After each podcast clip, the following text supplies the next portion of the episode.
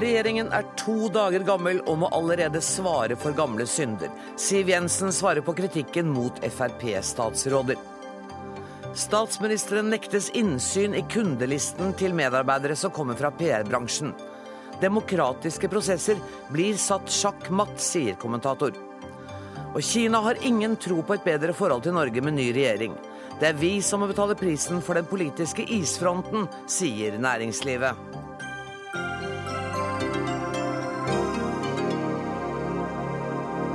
Dette er fredagsutgaven av Dagsnytt 18, der vi også skal møte lege Audun Mysja og NRK-journalist Lotte Olsen, som begge, med hvert sitt utgangspunkt, er opptatt av mennesker som lider av demens.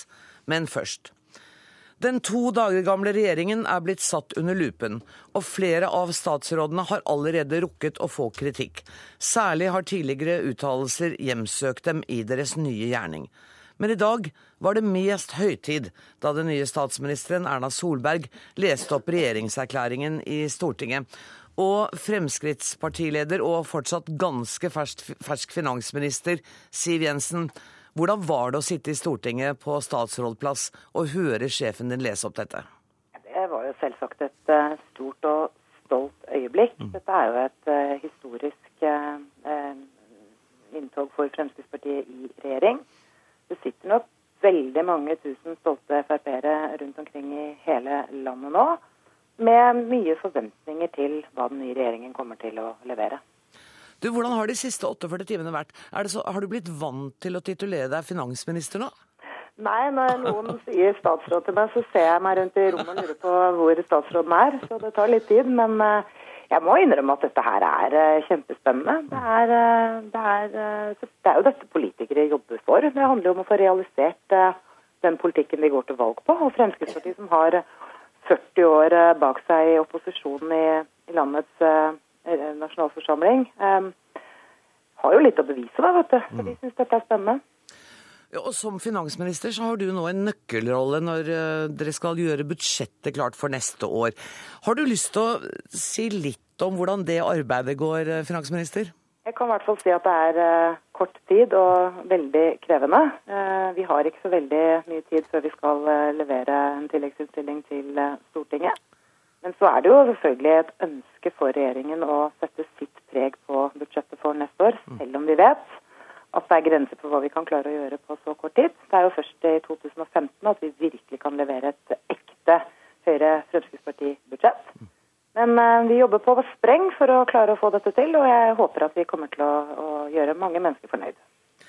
Og så til det som har vært mindre behagelig de siste dagene. Det har vært uro rundt flere av eh, statsrådene fra Fremskrittspartiet. Hvor forberedt var dere på at gamle uttalelser kom til å bli hentet fram og skape storm? Jeg tror de som uh, hørte meg da vi la frem uh, plattformen på Sundvolden, så sa jo jeg veldig tydelig at jeg regnet med at pressen kom til å det, møte både meg og andre statsråder med tidligere uttalelser, og det er ikke så veldig rart. Vi har uh, hatt klare standpunkter som ikke reflekteres i den erklæringen vi nå styrer på. Og det er jo fordi vi både har inngått kompromisser på en lang rekke saker. Finner rene seire for både Høyre og Fremskrittspartiet, men det er kompromisser. Og det betyr at uh, tidligere uttalelser sikkert uh, innhenter oss på et vis, men jeg har ganske lave skuldre på dette. Uh, det er jo ikke sånn som det ble sagt i innledningen til dette programmet, at det er regjeringens gamle synder. Dette er uttalelser fra enkeltpolitikere som jeg er sikker på at de fleste står ved, men som de ikke regjerer på. Men du, den det har stormet mest rundt, er barne-, likestillings- og inkluderingsminister Solveig Horne. For hun har altså sagt at både gutter og jenter har ansvar ved voldtekter. Og hun har også spurt om barnehagebarn bør få høre eventyr om homofile. Riktignok sa hun dette før hun kom i regjering, men nå sitter hun i regjering. Hva synes du om de uttalelsene? For det første så har hun jo selv klargjort eh, det. Eh, og det er jo sånn at når ting blir tatt ut av sin sammenheng, så kan det høres rarere ut enn når man ser det i den konteksten det ble sagt. Det hun sa den gang, og det hun også er veldig tydelig på nå, er at det er eh, kun gjerningsmannen som har ansvar ved overgrep. Eh, og det, det, er jeg glad for at hun er tydelig på, for det er selvsagt det som er eh, Fremskrittspartiets syn i dette. Jeg går ut fra at du har hatt samtaler med de eh, som har gått inn i regjeringen fra ditt parti. Har noen av de sakene som har kommet fram nå, vært diskutert i de samtalene? Det vi har vært mest opptatt av, er jo å gjøre eh, grundige sjekker i forhold til hva skal vi kalle det for noen skjeletter i skapet. Mm. Eh, alle politikere som går fra opposisjon til posisjon, har enkeltuttalelser eh, fra sin opposisjonstilværelse som sikkert kan fremstilles som eh, spissformulert. Jeg er helt sikker på at dere finner mange fra meg òg, hvis, hvis, dere leter. Du, jeg skal begynne å lete. Ja, dere ikke gjør det. Det er ikke nødvendig. Men, eh, men det har jeg relativt lave skuldre på, for jeg mener at alle statsrådene i den nye regjeringen skal måles på det de gjør som statsråder, og det vi leverer som regjering. Så må jeg jo si at det har vært litt ellevilt å se på mediebildet de siste 48 timene, men vi må tåle det. Eh, og så regner jeg med at folk eh, egentlig ler litt av dette, og er opptatt av hva regjeringen kommer til å levere i de neste månedene. Men har, har da oppmerksomheten mot uh, Horne og mot landbruksminister Sylvi Listhaug, som også har fått mye negativ oppmerksomhet, har den oppmerksomheten fra pressen og politiske motstandere vært for stor? Det overlater jeg til andre å vurdere. Jeg mener at politikere som eh, stiller seg i eh, fremste rekke for å styre landet, må tåle å bli eh, saumfart. Vi må tåle både ros og kritikk. Så håper jeg at det blir mer ros enn kritikk fremover. Men nei, jeg tror de har veldig lave skuldre på det. Men det er klart at noen av oss har stått i stormen før, mens noen av statsrådene er litt ferskere. Eh, og Samtidig så syns jeg at de, er, eh, de, takler det bra og kommer til å komme seg fint gjennom dette. og Så håper jeg at de nå får litt arbeidsro, sånn at de kan jobbe med sine innspill til eh, endringer av statsbudsjettet for 2014. For det tror jeg er viktigere for både Horne og Listhaug enn sine tidligere uttalelser. Du, um det har vært helt påfallende når begge disse har blitt spurt om tidligere uttalelser, hvordan de nesten har identiske formuleringer og refererer til plattformen. Har dere rett og slett hatt et lite seminar hvor du har instruert dem om hvordan de skal svare? Nei, men det er jo sånn det er for oss alle sammen, da. Eh, vi sitter ikke i regjering på Fremskrittspartiets eh, program. Vi sitter der på Sundvolden-plattformen, som er et eh, Ja, det er en liten blanding av Høyre og Fremskrittspartiets program og kompromisser, og en del ting som du ikke finner igjen fra våre partiprogrammer. Sånn er det. Men vi mener, og det var jo også grunnen til at Fremskrittspartiet enstemmig sa ja til å gå i regjering, vi mener at plattformen er et godt grunnlag å regjere på. Vi mener at det vil være bra for landet, og vi mener at Fremskrittspartivelgerne vil få valuta for stemmene sine. Og akkurat i det kan det jo hende at dere da skuffer mange Fremskrittspartivelgere som har stemt på dere nettopp pga. de uortodokse og klare meldingene dere har kommet med. Ja, det kan godt hende. Men jeg tror nok at de fleste som har stemt på Fremskrittspartiet, kommer til å se hva vi leverer på. Så har vi også vært veldig tydelige på at vi har ikke 50% flertall alene. Vi fikk 16,3 oppslutning ved valget. Og jeg mener at vi har fått eh, dramatisk mye mer gjennomslag i plattformen enn det. Ehm, Høyre og Fremskrittspartiet er svært tilfreds med den politiske plattformen, og nå gjenstår det kanskje aller, aller viktigste, vår evne til å levere resultater. Og det arbeidet er vi nå godt i gang med i regjeringen. Jeg vet at alle statsrådene nå sitter og jobber på spreng, og så tror jeg, og det er jo kanskje den eh, følelsen som er litt ny for meg, at jeg vet at de går rundt og skjelver litt for finansministeren så må jeg øve på å bli veldig streng og si nei. Um, det blir en uh, liten ny utfordring, men vi får se hvordan det går. Jeg ønsker deg lykke til med å bli streng og si nei. Tusen takk for at du var med, finansminister uh, Siv Jensen. Um, Hanne Skartveit, um, du har um, kommentert dette. Uh, hva er din reaksjon på det du hørte nå?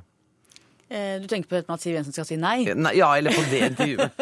At, at Siv Jensen kan si nei, det har vi vel sett før som partileder også, har vi ikke det? Jo, og nå må hun det mye mer enn hun har gjort før. Ja. Men det er klart, eh, det er jo ikke overraskende det som har skjedd med Frp nå disse siste dagene.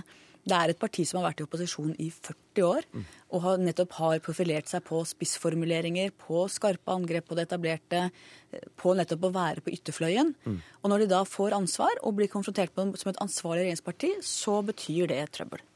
Men eh, går det noen grense for hva man kan trekke fram av tidligere uttalelser, litt uheldige uttalelser fra statsråder? Nei, de må forholde seg til at de blir konfrontert med tidligere uttalelser. Samtidig så er det sånn at som Siv Jensen sier, at de må prøves og testes på det de gjør nå. Mm. For det er en helt annen situasjon å være i regjering enn å være i opposisjon. Så vi må måle dem på det de leverer de neste månedene og årene. Det jeg ikke tok opp med, med Siv Jensen, er jo justisministerens brenning av eh, av eh, aviser eh, som han ikke liker. Hvordan, er det noe av det alvorligste, syns du? Ja, jeg syns det er veldig ille at vi har en justisminister som brenner meninger han ikke liker, og som boikotter og oppfordrer til boikott av en avis, sin næravis, fordi han da ikke har fått nok dekning eller har vært misfornøyd med den dekningen den avisen har gitt hans parti. Men det gjorde han jo også før han ble justisminister. Ingenting av dette har skjedd etter at regjeringen var etablert. Nei, men det er noe litt annet allikevel. Og én ting er at du kan gjøre ting i sinne, det kan vi vel alle gjøre, men han lot jo bli stående. Og han har eh, da latt det bli stående over lang tid, også etter at han burde roet seg. Hilde Sandvik, kultur- og debattredaktør i Bergens Tidende. Hvordan synes du de nye ministrene har taklet eh, fortidens twittermeldinger og sitater kan iallfall slå fast at det er ikke snakk om noe 100 dagers fredning her nå. et, et, par timers fredning kanskje, og så går en i gang. Jeg tenker at de vel antageligvis var godt forberedt på det.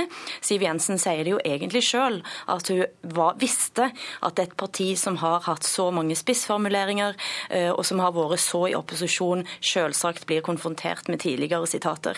Så, eh, men, og, og hvordan de har takla det Solveig Horne har gått nå altså reis, reist reist fra studio til studio og snakket seg ganske opp tenker jeg. Eh, ifra jeg begynte i VG sitt studio og svarte på anklager spesielt i denne voldtektssaken til hun satt på i redaksjonen f.eks. i TV 2 i går kveld, så var argumentasjonen blitt bedre. Så på mange måter så høres dette òg ut som en voksenopplæring i argumentasjonsteknikker som fungerer når du sitter som ansvarlig statsråd. Ja, Hannes Cartwright, Der har altså VG da tydeligvis bidratt til denne voksenopplæringen ved, å, ved å invitere henne til studio. Men er, har eh, mediene nå igjen gått i flokk og skapt storm i et vannglass? Nei, dette er ikke storm i et vannglass. Det er klart at de må regne med når de går inn i regjering at de blir konfrontert med det de har sagt før. Mm. Og, og, politikere, de har jo vært politikere, eh, Solveig Horne har jo sittet på Stortinget når hun har kommet med disse uttalelsene. Som politiker så må du jo stå for det du har sagt. Mm. Og så er det riktig at noe av det er tatt ut av kontekst, og det må hun få lov til å svare på, som hun jo har gjort. Mm. Og som Sandvik sier, hun har jo på en måte blitt bedre i sitt forsvar hele veien. Og et krasjkurs som jeg tror har vært bra for henne.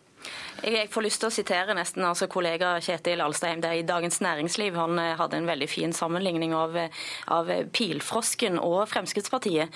Pilfrosken er fryktelig giftig. Kommer han i fangenskap, så mister han giften. Men du er like fargerik. Og poengspørsmålet er om, om en gjennom dette da altså ender opp med et Fremskrittsparti som ikke er som en fargerik, men giftfri pil, pilfrosk, men en butt, vanlig buttsnutefrosk. Det kan, jo, kan en jo sitte når en hører på Siv Jensen i dag så hører en en helt annen type retorikk, en måte å snakke på som en ikke har hørt tidligere. Men er det sånn at, vi, at eh, mediene fortsatt jobber med å finne flere sitater? Er, det, er redaksjonen i gang med det? Er det flere statsråder som skal tas? Er det Nå var jo Pål Sjaffi òg uttatt for ja, sine tidligere sitater. Eh, du mener fra den gangen han var SV? Ja, sant. Ja, ja. Har... det er en stund siden. det begynner å bli lenge siden. lenge siden. Mm. Men, men, er, det, Hannes Gartvad, er, det, er det sånn at man jakter, prøver å finne noe som kan svekke denne nye regjeringen?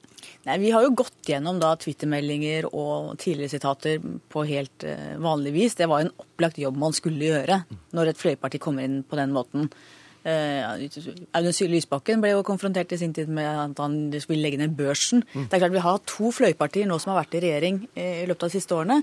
Og det betyr at det er, de må inn og, og, møte sin fortid og bli ansvarliggjort. Og det er det som er bra med den prosessen, at fløypartiene blir ansvarliggjort og på en måte må forholde seg til virkelighetens verden. Samtidig, samtidig så er det noe, ja, med, noe, noe med retorikken og de, de tingene som blir henta fram og løfta ut nå òg.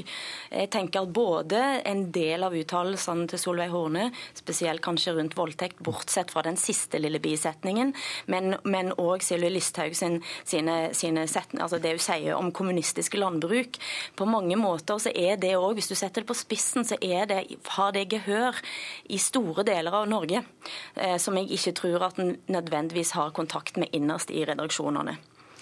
Men tror dere at uh, disse uttalelsene som de nå blir konfrontert med, at det svekker disse statsrådene eller regjeringen?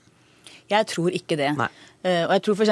Eh, Solveig Horne når det gjelder dette hun sa om, eh, om prinseeventyr eller homoeventyr i barnehagene, så er det klart at vi må se det i sammenheng med den debatten som gikk da. Ja. Da Audun Lysbakken som barneminister hadde dratt i gang et opplegg med refleks hvor da staten skulle lage barnebøker Altså, Det er en legitim debatt, og det er lov å mene det, og mange mener det. Det betyr ikke at hun er mot homofile eller diskriminerer homofile. Det tror jeg ikke hun gjør. Så at vi må på en måte veie ting opp mot hverandre og se hva som er hva her òg. Ja, for det ligger et ansvar på pressen, eller på mediene også på å ikke drive for mye i flokk og bli forgrepet av hverandres gode saker. Det har vært veldig interessant, syns jeg, å se hva type retorikk som nå har kommet opp, bl.a.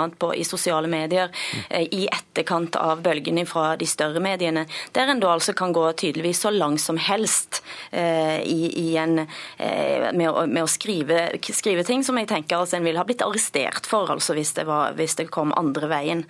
Um, så det, det er òg interessant å følge med på. Og da er det vel sånn at Nå er det politikken som kommer til å stå i fokus, og det denne regjeringen kommer til å gjøre, og at vi kanskje for denne gangen er ferdig med det tilbakeskuende? Tror du det, Skartveit? Ja, det tror jeg, og det er det som blir det spennende. Jeg er ja. veldig spent på hva denne regjeringen leverer av faktisk politikk. Jeg har skrevet en kommentar til i morgen om superministeren Jan Tore Sanner, som får en kjempeutfordring med sitt departement. Det er jo dette som er gøy og spennende å, å se. Det blir noen gøyale fire år. Å ja. Og jeg håper at det ikke bare blir buttsnutefrosker, men at det er litt pilfrosker igjen, må jeg innrømme. litt pilfrosker eh, ønsker da eh, Hilde Sandvik seg. Tusen takk for at dere kom til Dagsnytt 18, Hilde Sandvik, kultur- og debattredaktør i Bergens Tidende, og Hanne Skartveit, politisk redaktør i VG. Hør Dagsnytt 18 når du vil, på nettradio eller som podkast. nrk.no – dagsnytt 18.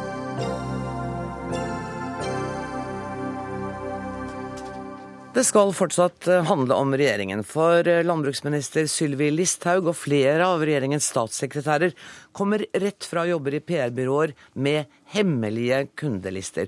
Og Hege Ulstein, kommentator i Dagsavisen, du har skrevet i dag at det syns du er problematisk? Ja, jeg syns det er problematisk eh, fordi det at de har hatt disse hemmelige kundelistene, gjør at ingen vet hvem de eventuelt har bindinger til i de nye rollene de har, som går ut på å forvalte demokratisk makt på toppnivå i Norge. Eh, og når f.eks. Sylvi Listhaug eh, leder nå et departement hvor det er store, tunge næringsinteresser som blir berørt hver eneste dag av de beslutningene hun fatter. Dagligvarebransjen er et eksempel hvor vi har fire store, tunge aktører som det slett ikke er usannsynlig at kan ha vært kunder av First House der hvor hun kommer fra. Men la oss rydde opp, for det, uh, dette gjelder jo habilitet og hennes habilitet i forhold til uh, bransjen. Den er jo da ivaretatt ved at regjeringsråd og departementsråd har tilgang til disse listene. Ja, det er jo den løsningen man, uh, man har liksom kommet fram til nå, som jeg anser som en nødløsning. altså Uten forkleinelse for regjeringsråden Ina Frisak eller departementsråden i de andre berørte departementene, så er det jo sånn at det skaper jo ikke noe åpenhet eh, om eh, hva som skjer. og Da blir det opp til ett enkeltmenneske som skal sitte og vurdere eh, om habiliteten er ivaretatt eller ikke. Men mener du da at Stortinget burde ha tilgang til disse kundelistene? Ja, altså Stortinget er et kontrollorgan for regjeringen, og de skal eh, bl.a. Eh, kontrollere eh, at regjeringen ikke bryter habilitetsregler. Så Men da vil jo fortrolighetsløftet som er avgitt til disse kundene, bli brutt? Ja, altså det, det, kan, det, det, fortrolighetsløftet kan vi snakke om etterpå, men jeg syns det er nest, uh, veldig rart, nesten litt komisk, at, uh, at, man påstår at det er veldig farlig at Stortinget skal kontrollere noe som har med de hemmelige listene til First House å gjøre. Stortinget har lang erfaring i å håndtere sensitiv og hemmeligstemplet informasjon. Stortingets utvidede utenrikskomité har møter om hvorvidt Norge skal gå til krig eller ikke. De kontrollerer de hemmelige tjenestene. Eh, det, de, det klarer de helt fint. Og jeg syns det er veldig veldig rart at vi er i en situasjon hvor man har større respekt for de hemmelige kundelistene til First House enn PST. Julie Bråttkorp, tidligere administrerende direktør ved kommunikasjonsbyrået JKL, nå statssekretær ved statsministerens kontor. Hjelp meg å oppklare. Hvordan blir din habilitet ivaretatt når ikke engang statsministeren har tilgang til kundelistene dine? Min habilitet blir ivaretatt av to forhold. Det ene er at jeg da har hatt en samtale med regjeringsråden om eh, hvilke både bransjer og kunder som vil gjøre meg inhabil. Mm. Og så er det også sånn at den aller viktigste eh, egenskapen en politiker kan ha, det er tillit. Det er det jeg vil kalle en hygienefaktor. Altså Har du ikke tillit, så har du ikke mye. Eh, og det er da opp til hver enkelt av oss å sørge for at er vi i tvil om vi er habile eller ikke, så må det bes om råd eh, på det. Og så, så, forstår jeg, sånn som jeg eh, hører Ulstein snakke om det, at man kan bli litt i stuss. Men man skal huske på at når man begynner som rådgiver i et kommunikasjonsbyrå, så skriver man under en konfidensialitetserklæring, akkurat som man gjør når man begynner i et advokatbyrå. Og Hvis jeg tar eh, disse byråene som eksempler, så er det jo en liten del som er lobby. Men en annen del er rådgivning i forhold til produktlanseringer, gjerne for børsnoterte selskaper. Det er rådgivning i forhold til ting som kan ha sett ut til å bli en krise i en større bedrift, som ikke har blitt det pga. god håndtering. Du kan ha situasjoner hvor selskaper tar kontakt fordi noen er ettersøkt av Økokrim, ikke siktet, det henlegges kanskje, men de har ønsket å da ha hjelp i forhold til hvordan håndterer vi dette. Mm. Det er klart Hvis dette plutselig nå skal bli offentlig tilgjengelig, for det er det som har vært etterspurt her, offentlig tilgjengelig, eh, så, så tror jeg de fleste skjønner at det kan man ikke gjøre. Det har vel ikke vært fra Ulsteins side krav om noe offentlig tilgjengelighet, har du det? Altså, Ideelt sett så syns jeg disse listene burde vært offentlig okay. tilgjengelige, og jeg skjønner ikke hvorfor det er så viktig å holde det hemmelig. Altså, det virker som det er så flaut å bruke et PR-byrå for disse kundene at de helst ikke vil at andre skal, skal vite om det. Men, men et minstekrav, mener jeg, det må være at Stortingets veldig veldig viktig demokratisk rolle som kontrollorgan overfor regjeringen blir ivaretatt på en skikkelig måte. Eh, altså, vi må huske på at dette her handler om eh, forvaltning av eh, politisk makt på veldig veldig viktige områder. Og da er åpenhet alfa og omega. Og det er fint med tillit, men det som, som Bråttborg Korp er inne på, men tillit det er ikke noe du tar, det er noe du får. Og, så, og, og, Tilbake til dette med habilitet. for hvis, hvis, du er usikker, så ber du om råd fra Nei, altså Jeg orienterer da eh, regjeringsråden. Og hvis regjeringsråden er us usikker? Eh, så må jo hun søke råd i forhold til eh, det juridiske. Og da må hun gå til lovavdelingen. til lovavdelingen. Og da må lovavdelingen i hvert fall få vite Absolutt.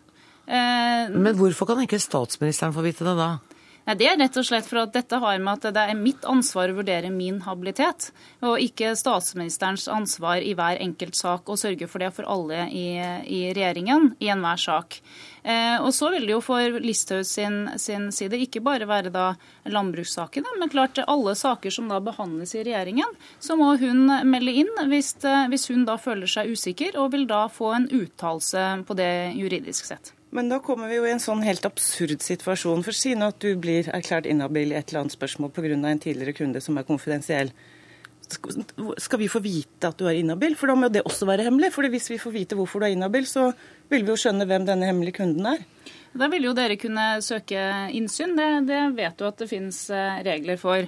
Men jeg, jeg, jeg syns jo det er rart at man ikke har forståelse for La oss, la oss si at det hadde vært en advokat som, som var inne. Og det er eh, samme type oppgaver de fleste kommunikasjonskonsulenter har hatt. Det er mer og mer vanlig at søker man advokat, så så kobles det også på en rådgiver som gjelder eh, kommunikasjon. Mm. Og jeg tror de fleste skjønner at eh, når du da søker den type råd, så må det være en forutsetning eh, at din sak du Kanskje søker du råd nettopp for å ikke få offentlighet rundt deg. Og hvis du da kan risikere at din rådgiver må legge ut sine lister så, så, tror jeg de fleste skjønner at det er negativt. Og så er det også sånn at dette er konkurransesensitivt. Personene det firmaet jeg jobbet for og administrerende for, er eh, del av et børsnotert konsern, hvor det også gjelder en del regler. Og mange av kundene er børsnoterte. Jeg har problemer med å forstå det. Ellers i næringslivet så har jo ikke selskaper noen problemer med å fortelle hvem de har som kunder eller er kunde for. Tvert imot så er jo det ofte en fordel å si at man har eh, fått den og den kunden eller er kunde der og der. Og jeg tror det skader kommunikasjonsbransjen. Jeg tror det bygger opp under en oppfatning om at her er det noe som må skjules. Litt, for at Byråene skulle jo veldig gjerne ha offentliggjort. De ville vært stolte av mange av de kontraktene de har gjort. Men om man søker en finansiell rådgiver i næringslivet, om man søker en juridisk rådgiver eller en kommunikasjonsrådgiver, så er det gjerne for forhold som ikke skal være offentlige, fordi det er ting som pågår. Hvis et selskap holder på å utvikle et nytt produkt f.eks., og har da brukt et kommunikasjonsselskap, som de som regel gjør, på å planlegge en kampanje for dette produktet, eh, så er det klart at man ikke ønsker å ha offentlig innsyn i det før produktet er på markedet. Det burde være ganske opplagt. Jo, men nå snakker vi om i ettertid. Nå snakker vi om eh, hvilke ja, altså, klienter om, altså, dere har hatt før. Det mest interessante eh, å passe på habiliteten for, er jo det man har, har jobbet for for kort tid siden. Eh, det er jo sant? Og, og, ja, Men sånn har det ikke vært i de habilitetssakene som gikk i kontroll- og konstitusjonskomiteen i forrige uke. De to eksemplene du har tatt opp, har jo ikke jobbet veldig lenge i sektoren, så det må jo være de listene for det siste året eller to, når man har jobbet der, dere er ute etter. Og da jo dette, er jo dette svært aktuelle problemstillinger. Ja, men I forrige periode så hadde vi flere saker i kontroll- og konstitusjonskomiteen, hvor bl.a. det at Jonas Gahr Støre hadde vært på en 17. mai-fest for kjempelenge siden med Sjudi, var et stort poeng.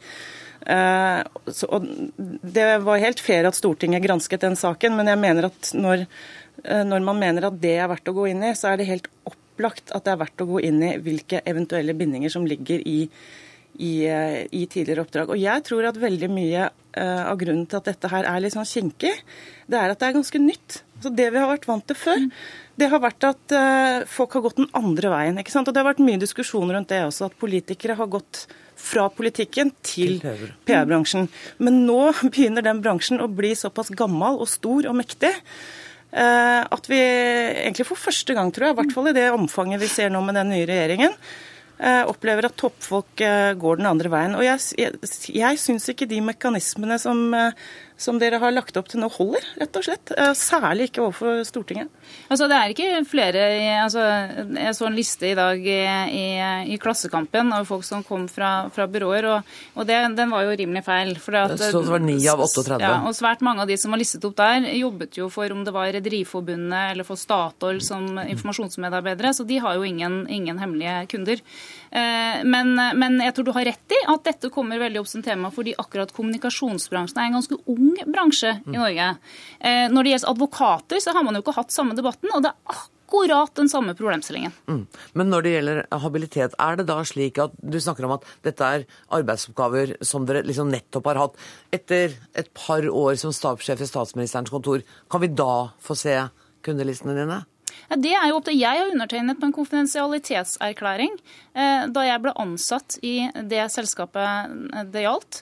Og jeg tror at en ganske god egenskap av en person som skal sitte i en politisk ledelse på SMK, er at man holder konfidensialitetserklæringer som man har undertegnet. Det har jeg tenkt å gjøre i forhold til det selskapet jeg jobbet for, og det har jeg tenkt å gjøre på SMK. Tusen takk til Julie Bråttkorp, stabssjef ved Statsministerens kontor, og til Kjege Ulstein, kommentator i Dagsavisen.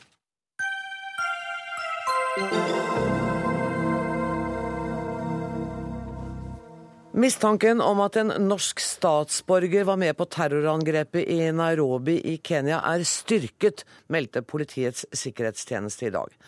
I går kveld viste BBC bilder av ham de mener er en norsk somalier fra Larvik. Han er altså, ifølge BBC, mistenkt for å ha deltatt i terroraksjonen mot kjøpesenteret Westgate i september, hvor 69 mennesker mistet livet og flere enn 200 ble såret. Vi har invitert PST hit i kveld, men de hadde ikke anledning til å sende noen representant. Men Afrikakorrespondent Lars Sigurd Sunna nå. Det er blitt funnet døde personer ved siden av maskingevær i ruinene av kjøpesenteret. Hvem, hvilke omkomne er det man har funnet? Ja, Det vet vi jo ikke ennå. Det er jo noe som kan tyde på at det kan være terrorister. Men vi snakker om en sammenrast bygning. Flere etasjer ramlet ned da bæresøyler brast i en eksplosjon. Og maskingevær kan jo ha falt ned sammen og blitt liggende sammen med ofrene for terroraksjonen. Ikke nødvendigvis en eller flere av terroristene. Så, men, men, det kommer så lite konkret informasjon fra politiet, så det gir jo grunnlag for en lang rekke gjetninger og spekulasjoner.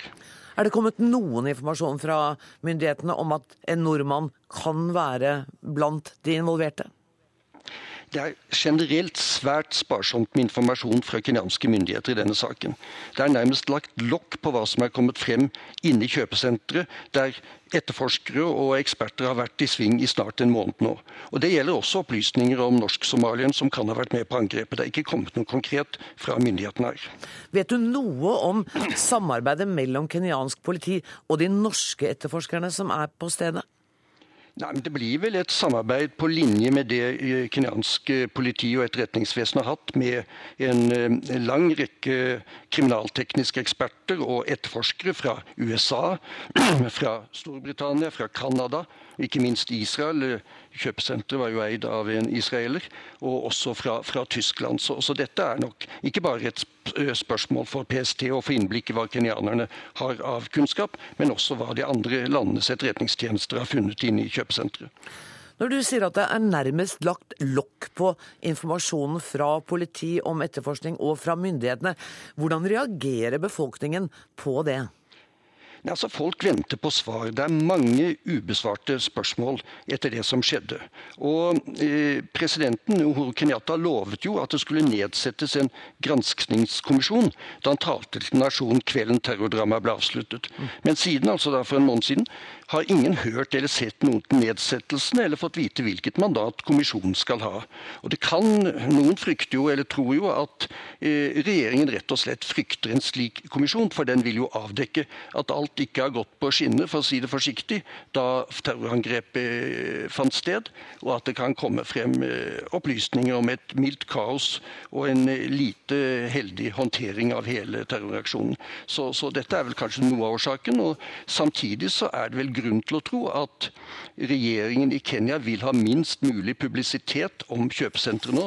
Det gjelder å få vist omverdenen og alle turistene som måtte komme til Kenya, at nå er alt eh, rolig og skikkelig igjen, og ikke at det skal spres da opplysninger om kjøpesenteret og terroraksjonen stadig vekk ute i internasjonale medier. Men samtidig så vet jo også kenyanske myndigheter at verdens øyne er rettet mot dem, og at det forventes et skikkelig politiarbeid og en oppklaring?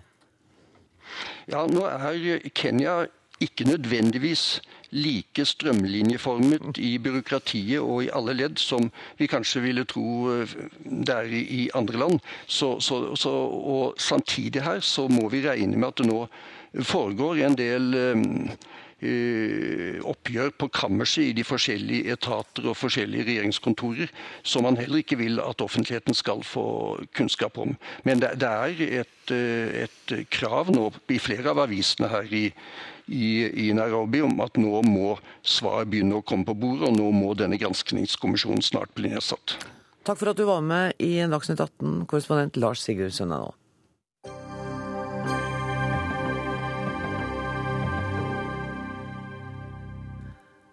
En ny norsk regjering endrer ikke vårt forhold til Norge. Det opplyser det kinesiske utenriksdepartementet til NRK i dag. Dermed er forholdet mellom Kina og Norge fortsatt kjølig, slik det faktisk har vært siden Norge ga Nobels fredspris til den kinesiske aktivisten Liu Xiaobo i 2010. Henning Christoffersen, du er nå seniorrådgiver i Norske Veritas, har 20 års fartstid i Kina. Og denne mildt sagt spente situasjonen går altså utover norsk næringsliv i Kina. Og dette har du kommentert flere ganger. Er det ikke noen tegn til bedring?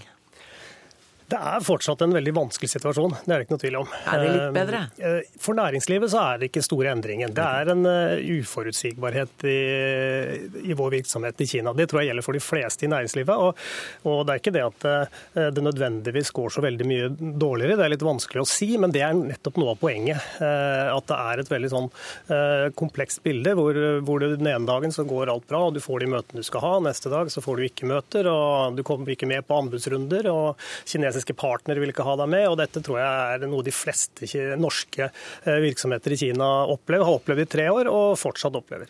Og da er det sånn at man, Noen ganger så får man en avtale om et møte, og så blir det avlyst det kan, i siste øyeblikk? Det kan jo også hende. og Det har jo folk opplevd både i, i næringsliv og innenfor andre sektorer. Så det er, det er blitt hverdagen vår i, i Kina. Var du overrasket over at kinesiske myndigheter gikk ut og sa at det at Norge har fått ny regjering, det forandrer ingenting i vår holdning? Altså, når vi har hatt denne situasjonen i tre år, så vil det jo være nær på sensasjonelt eh, om vi da i dag fikk en beskjed fra kinesiske myndigheter at nå har Norge fått ny regjering. Så nå, nå er det over. Nå har vi et topp forhold igjen. Så det er klart at Eller de kunne sagt at nå er vi villige, vi skal liksom gi den nye regjeringen en sjanse, vi vil åpne døra på gløtt, eller et ja, eller annet. Det, men det jeg tror eh, de eh, Og det, det, sa hun jo faktisk, hun som uttalte seg på vegne av det, norske, det kinesiske utenriksdepartementet, at nå må vi vente og se hva den nye regjeringen faktisk gjør. Og det er jo det kineserne er spent på. Eh, ikke at vi har fått en ny regjering. Det i seg selv forandrer ikke situasjonen. Hva bør Norge etter ditt syn gjøre for å få fortgang i en bedre diplomatisk situasjon mellom landene? Jeg tror det den nye utenriksministeren vår har eh, begynt på, det å vise en mer eh, forståelse eh, for Kina og for hvordan dette faktisk ser ut fra kinesisk ståsted. Der syns jeg allerede han har begynt å vise en, en, holdning og en innfallsvinkel som vi ikke har sett tidligere. Så Det er en, absolutt en start. For fra kinesisk ståsted så dreier dette seg veldig mye om at norske politikere må prøve å forstå hvordan denne saken faktisk ser ut fra, fra deres ståsted. Eh, så vi, jeg må bare si at vi inviterte utenriksminister ja. Børge Brende hit. Han hadde dessverre ikke anledning til å komme. Men, men bør Norge rett og slett be om unnskyldning for den eh, nobelprisen? Altså, en, dette dreier seg ikke om en unnskyldning. Eh, det, det, vet eh, kineserne at det er uaktuelt. Eh, og, og, den kinesiske ambassadøren i Norge, som har fremmet det offisielle kinesiske synet, har vært veldig klar på det. At det dreier seg ikke om en, en, at Norge skal, skal, legge seg flate for Kina. Det, det, dreier seg om en forståelse for at Norge ser hva som er Kinas kjerneinteresser, og ikke blander seg inn i det, blant annet. Medlem i utenrikskomiteen for Arbeiderpartiet, Svein Roald Hansen. Selv om ditt parti nettopp har gått ut av regjering, så er det jo dere som inntil for få dager siden håndterte eh, den vanskelige situasjonen med Kina. Og i dag uttalte altså eh, Kina til NRK at det er helt opp til den norske regjering å bedre forholdet til Kina. Og den vet hva som skal til. Men dere har altså ikke visst hva som skulle til? Det har vært eh, gjort en, eh, en, eh, et betydelig arbeid som har brakt Kina og Norge nærmere, men altså ikke langt nok. Så det gjenstår en jobb også for den, for den nye regjeringen. Men hørte ikke du hva Henning Christoffersen sa nå nettopp? Det er omtrent ingen forandring. Nei, men på det politiske plan så ser vi at eh, det har, i de internasjonale fora, hvor vår utenriksminister, vår statsminister, altså de, de, avgåtte, har møtt kinesiske toppledere, så har man hatt samtaler. Da utenriksminister Espen Barth Eide var på ASEAN-møte, det var vel før sommeren, så hadde han en lang samtale med sin nye kinesiske eh, kollega. Men det var vel et helt uformelt og litt eh, ikke-planlagt møte, så vidt jeg husker? Jo, det er riktig, men det er et indikasjon på at de i hvert fall ikke unngår oss.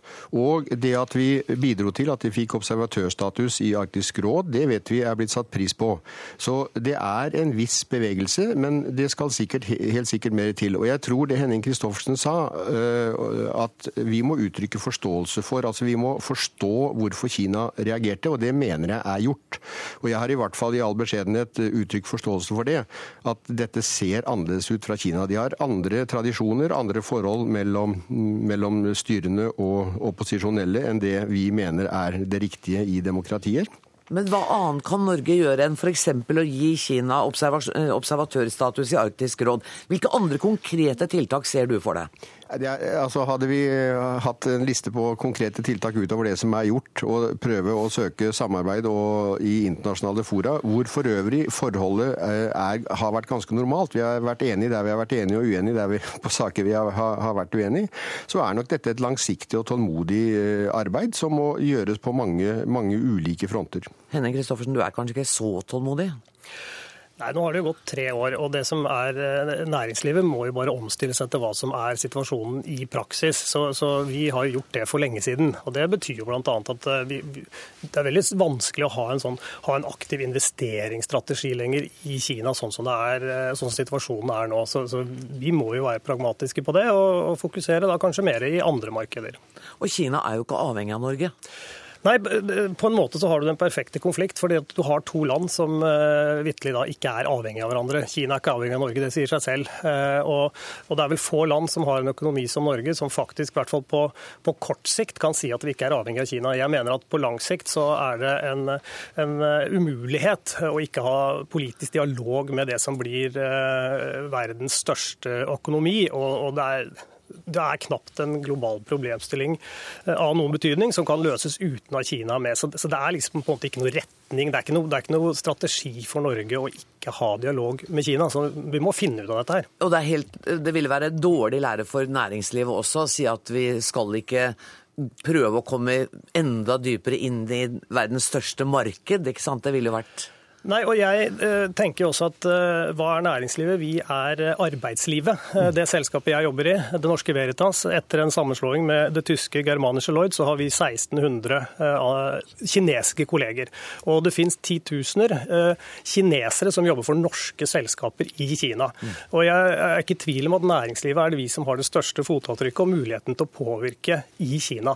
Og det går på alt fra individets rettigheter på en arbeidsplass, kall det gjerne demokrati, demokratiske retter, generelt deltakelse i arbeidslivet. Og hvis vi mener noe med at de verdiene vi står for i Norge, eh, har noe for seg i Kina, eh, så er jo norske selskaper bærere av det. Så det er altså ingen selvfølgelig det er, det er jo ingen motsetning mellom menneskerettigheter og det vi jobber mot og for i Kina. Tvert imot.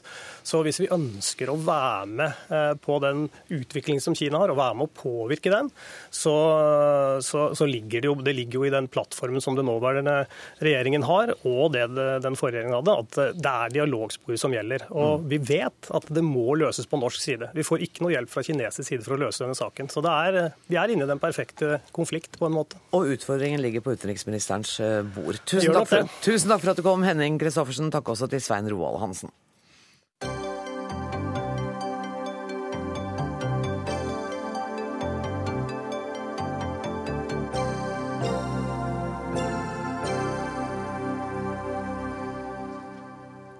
Han ble dømt, han ble hengt, og han ble erklært død. Men da familien skulle hente liket dagen etter, fikk det beskjed om at han pustet. Den utrolige historien om eh, tobarnsfaren Alireza, som altså overlevde galgen og en natt på likehuset, er nå spredt til hele verden. Nå starter kampen for å redde den narkodømte iraneren en gang til. For eh, Mahmoud Amiri Mogadam, du er leder for eh, Iran Human Rights. Hva har iranske myndigheter sagt om Alireza? Iranske myndigheter har sagt at uh, når han føler seg bedre, eller når han er frisk nok, så kommer han til å bli hengt igjen. Og Det, er, det kom jo som et sjokk for familien, fordi de to døtrene som først sørget over at faren var død, og så ble de verdens lykkeligste da de hørte at han fortsatt lever. Eh, må gå gjennom den prosessen igjen. Og det vi også vet, er at Alireza Ali selv var jo naturlig nok veldig redd da han skulle bli hengt, og han kunne knapt gå, så han måtte hjelpes opp til, til galgen. Eh, men nå skal myndighetene henrette ham, og det kan skje når som helst i løpet av de nærmeste dagene. Du er selv lege, og vi skal ikke gå inn i det for mange detaljer, men for meg høres det utrolig ut å overleve en henging ved galge og en natt i like... Altså, hvordan er dette mulig? Det er, eh, jeg, jeg, personlig har aldri hørt om det, fordi eh, jeg er både lege og fulgt eh, dødsstraff i Iran i mange år. Men det er tydeligvis mulig. Kanskje den avkjølingen etterpå, det at Eh, personen ja, Det har vært en kvelning som ikke har vært fullstendig. Men mm. legene der erklærte ham død. Mm. Men han er altså på sykehus og i ferd med å komme seg, og han møter en ny dødsstraff, og det er det dere kjemper imot. Hvor, altså Iran er jo et av de landene som bruker dødsstraff mye, og det er litt usikkerhet om tallene. Dere opererer med en ganske høye tall. Ja, altså, if, uh, Hvis vi bare forholder oss til uh, offisielle tall fra iranske myndigheter, så uh, er det over 300 som har blitt henrettet i løpet av 2013. Men vi har jo våre egne kilder, og vi vet at omtrent halvparten av henrettelsene blir ikke annonsert av myndighetene. Så mellom 500 og 600 har blitt henrettet så langt uh, i år. Og det er, hvis vi sammenligner Irans folketall med Kina, som er nummer én, så er det flere per befolkning. Men akkurat når det gjelder Alireze, så må jeg si at det er faktisk håp. Det går an å redde ham hvis verdenssamfunnet engasjerer seg, og, altså på høyt nivå. Og det er det vi har gjort. Vi har skrevet eh, til Eh, utenriksminister Børge Brende og bedt om å ta opp sakene hans konkret. Mm. Vi har eh, allerede sagt at vi har invitert utenriksministeren til flere saker i dag, men han hadde dessverre ikke anledning til å komme. Men Utenriksdepartementet har jo presisert i dag at de er imot dødsstraff også i Iran. Så, men det dere ber om, er at man altså skal henvende seg om denne konkrete saken. Men denne mannen, han er altså dømt for alvorlig narkotikahandel. Han har importert én kilo metamfetamin, som er en alvorlig sak. Ja, altså Han er dømt for besittelse av en kilo metamfetamin. Eh, han er dømt av revolusjonsdomstolen bak lukkede dører. Vi vet ikke om han har advokat. Eh, vi har mange rapporter om folk som blir utsatt for tortur for å tilstå en forbrytelse og der, deretter blir dømt til døden. Så I tillegg til at dødsstraff er en umenneskelig måte å straffe en person på, så er rettssystemet i Iran ikke bra nok, ikke egnet til eh, men, men eh, altså, generell bemerkning om dødsstraff. Alle vet jo Norge er mot dødsstraff. Men igjen, det er kun de gangene de går konkret til verks i enkeltsaker at det har hjulpet. Mm. Nils Butenschøn, velkommen hit. Du er direktør for Senter for menneskerettigheter og professor i internasjonal politikk. Iran har jo en ny president og er i dialog med USA. Det, liksom en, det skjedde noe da han ble valgt til president. Kan det hjelpe Alireza på noen måte? Ja, det er jo som, som eh, det ble sagt her, at det er ofte at enkeltsaker får en eh, betydning som en katalysator for eh, en omlegging av politikk. Mm. Og selvfølgelig det klimaet man har nå, hvor altså USA jo egentlig ønsker seg mer og mer ut av Midtøsten for å fokusere på Øst-Asia, og hvor Iran har behov for å komme mer inn i det gode selskap fordi sanksjonene virkelig begynner å bite på den iranske økonomien. Mm. Og eh, i og for seg USA og Iran har felles interesser på mange måter geopolitisk sett. Så eh, i og med at nå, dette forholdet har vært frosset siden 1979. Og man nå har fått en ny leder i Iran som ønsker en åpning til Vesten, så ligger det selvfølgelig noen muligheter i, i denne situasjonen. Og Særlig hvis da USA litt vennlig kunne si dette bør dere ikke gjøre. Ja, og så er det jo videre Nå er det forhandlinger som pågår akkurat nå ikke sant, mellom de fem eh, medlemmene av Sikkerhetsrådet pluss Tyskland på den ene siden og Iran på den andre siden når det gjelder eh, atomprogrammet og dette med anriking av uran og hvor langt det skal gå og hvordan dette skal håndteres. Og øh, kanskje for første gang på lenge så er jo da veldig positive signaler fra det siste møtet i Genéve nå på, på forrige onsdag, var det vel. Mm. Så altså, det er en, eh, et sånn visst diplomatisk tøvær akkurat nå. Og det er klart at en slik enkeltsak kan, kan virke inn på en eller annen måte som, som både kan bidra til Eh, at dette fortsetter, dette tøværet fortsetter. Og det kan bidra til at, at denne saken får en, en, behandling som fordi Iran ikke ønsker å utsette sitt eh, gode navn og rykte enda mer. Men det kan også slå den andre veien. Fordi vi vet godt at i likhet med Russland og Kina, så er jo Iran veldig sårbar for eh, en pekefinger utenfra. Og, og stolte liksom av, av, sin egen selvstendighet. Men, men, hvis vi snakker om dødsstraff Iran er jo langt fra det eneste landet i verden som praktiserer det. Hvordan er situasjonen for tida? Er det fortsatt Kina som i antall har de fleste dødsdommene? Ja, altså den, det, det, går jo hva skal vi si, Den store tendensen er eh, at, det, at, det, går nedover. Og man har fått, fått til også såkalt moratorium i en del land, altså at dødsdommer ikke blir eksekvert. Mm.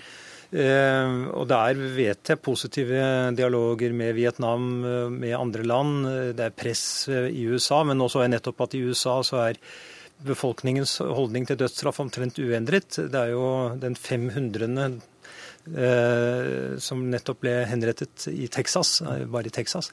Så eh, dette skjer over, overalt. Og det er, ikke, det er jo ikke forbudt i henhold til internasjonal lov, men det som er problemet i Iran og mange andre steder, er at rettssakene jo, som også ble sagt her, de er under enhver kritikk. De er ikke etter internasjonale standarder, rettssikkerhetsstandarder.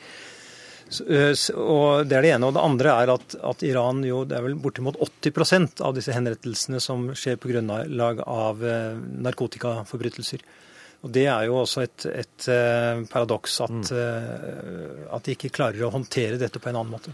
Og Da er det nå å krysse fingrene og håpe at det internasjonale presset, presset blir så stort da, at Alireza ikke skal bringes til galgen en gang til. Jeg må dessverre sette strek mm. og si tusen takk for at dere kom, Nils Burtensjøen og Mahmoud Amiri Mogadam.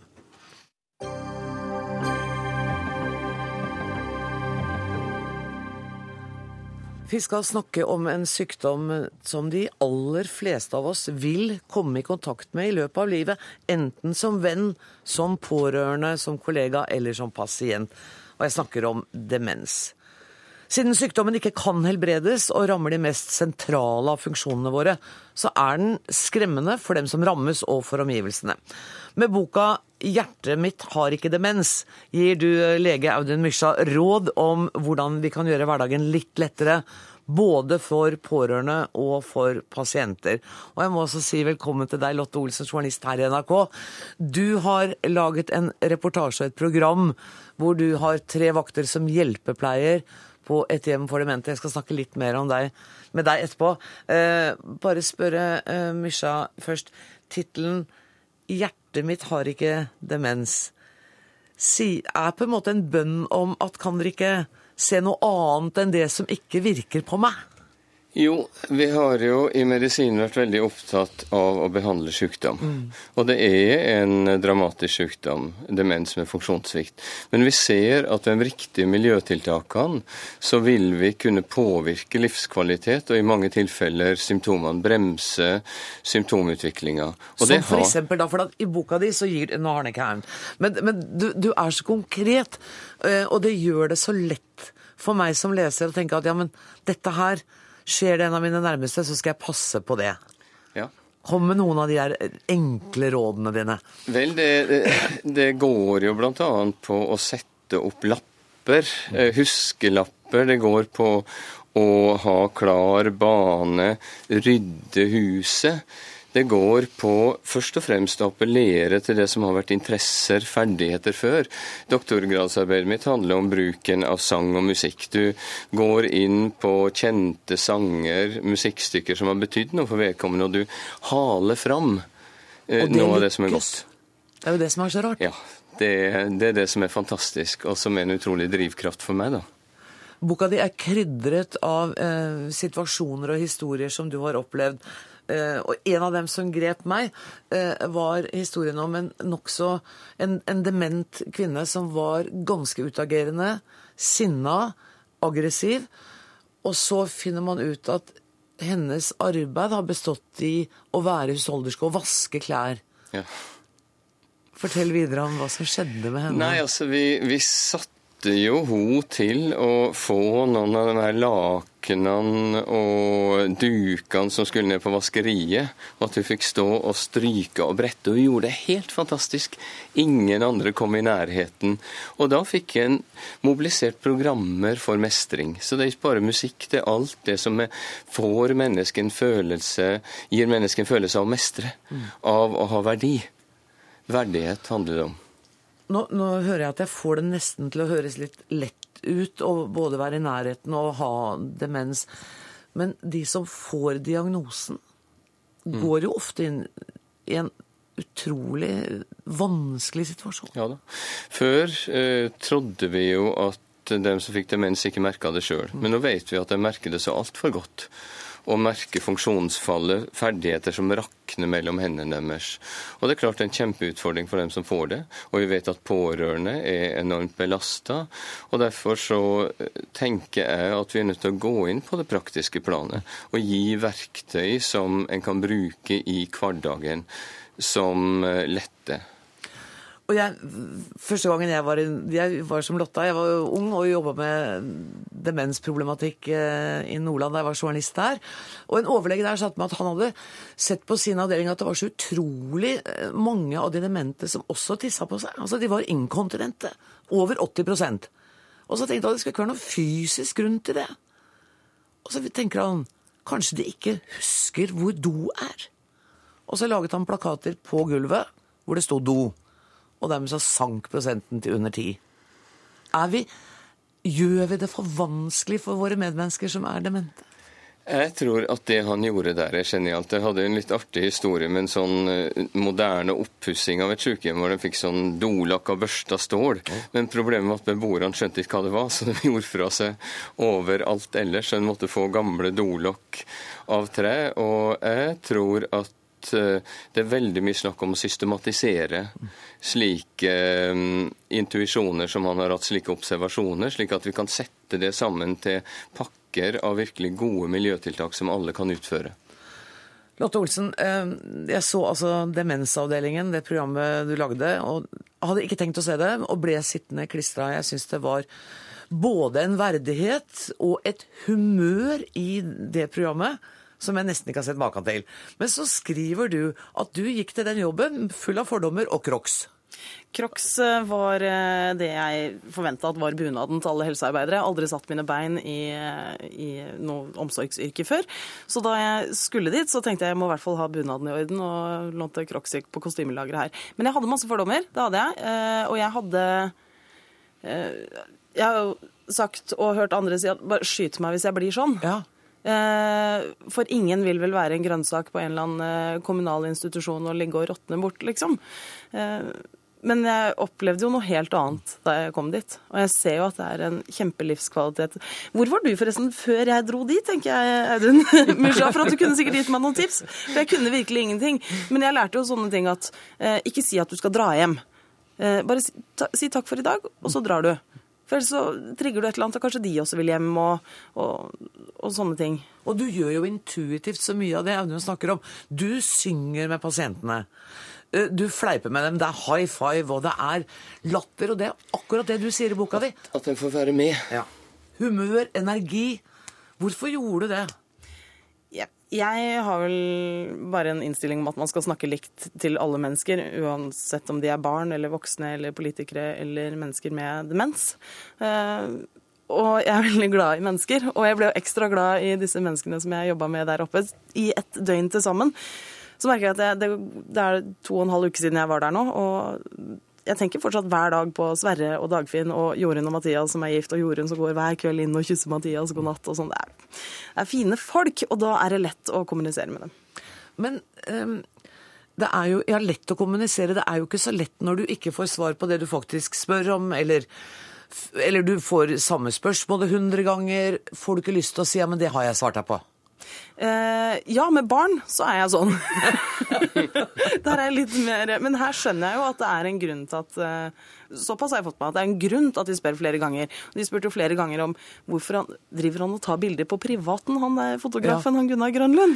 Eh, og da måtte jeg fortelle at vi var fra NRK.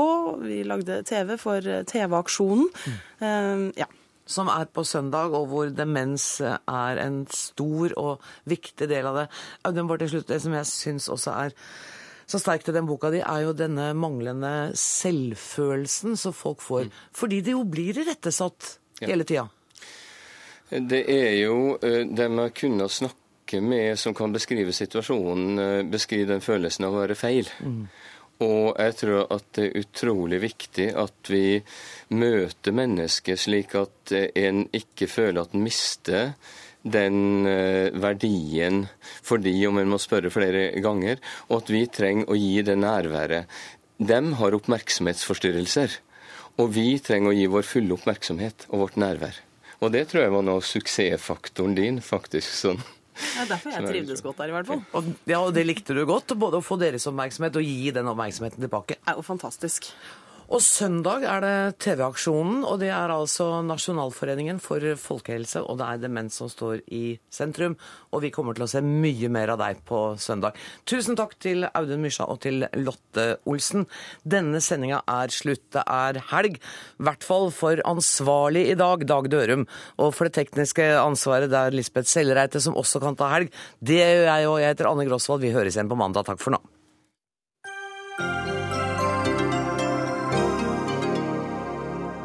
Hør flere podkaster på nrk.no podkast.